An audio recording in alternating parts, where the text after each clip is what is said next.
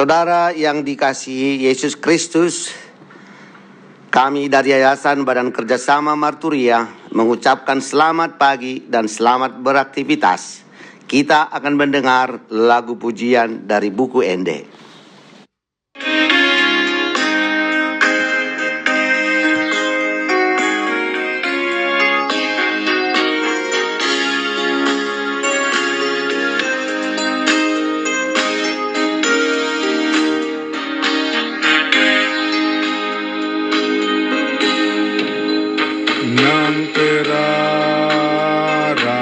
kuasamu Hias di dibanu darbu Nang perara dosamu di dibanu darbu Nadab dab son hasumba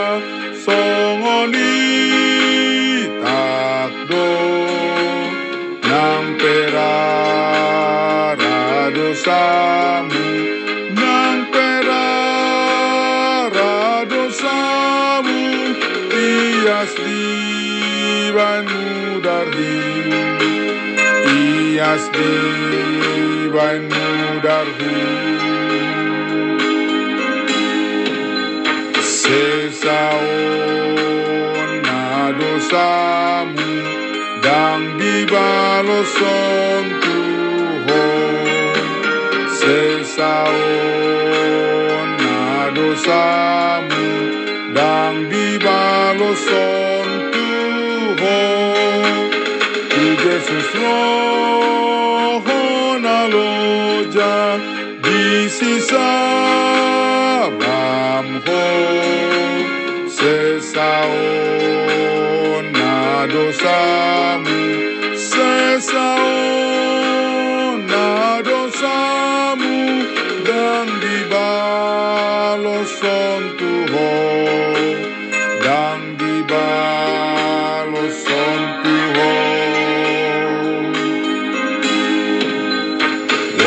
kalau merah dosamu suci karena darahku.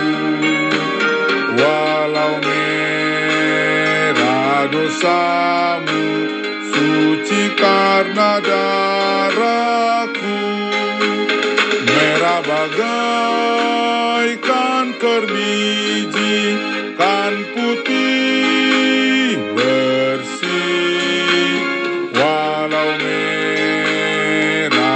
dosamu Walau merah dosamu Suci karena darahku. Suci karena darahku. Dosamu diampuni Tak dibalas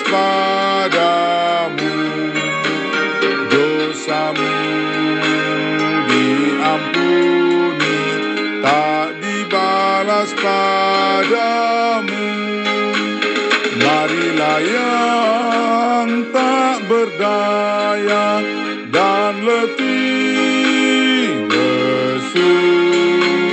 Dosamu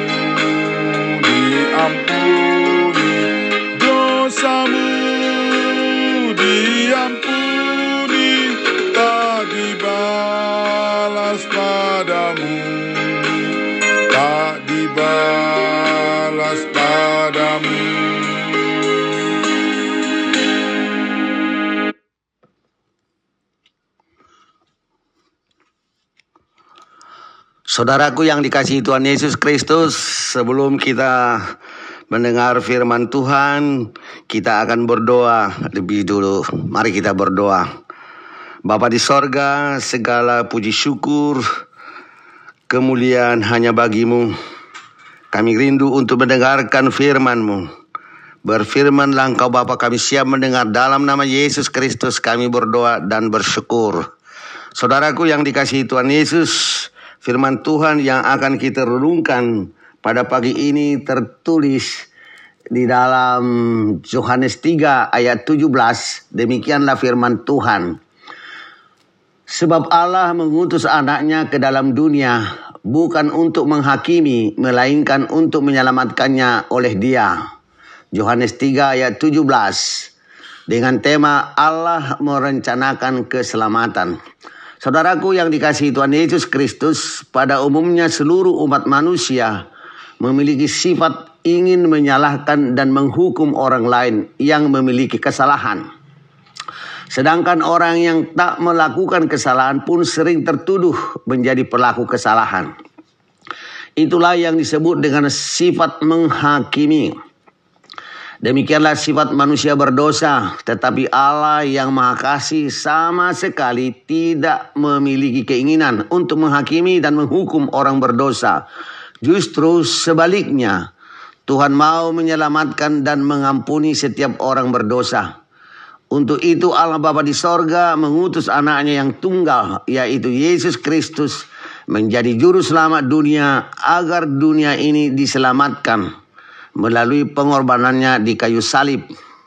Saudaraku, dalam Injil Yohanes ada suatu pemahaman khusus tentang istilah dunia. Menurut Injil Yohanes, dunia bukan berarti bumi dan segala isinya, tetapi dunia adalah sebuah pihak yang menolak kedatangan Yesus.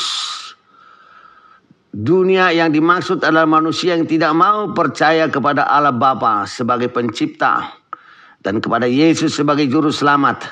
Mereka harus bertobat supaya menjadi warga kerajaan sorga. Saudaraku, bagaimana cara Allah Bapa dalam Yesus Kristus menyelamatkan dunia seperti itu? Allah mengasihi dan memberi jalan pengampunan secara gratis kepada semua orang yang tidak mau percaya kepadanya.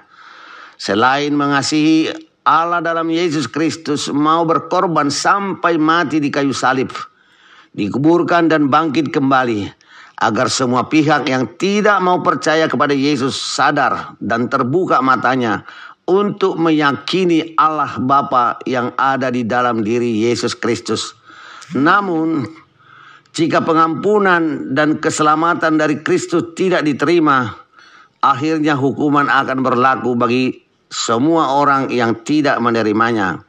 Amin. Mari kita berdoa. Terima kasih Tuhan Yesus yang rela datang ke dunia ini untuk membawa keselamatan kekal bagi kami orang-orang berdosa. Terpujilah namamu kekal selama-lamanya. Amin.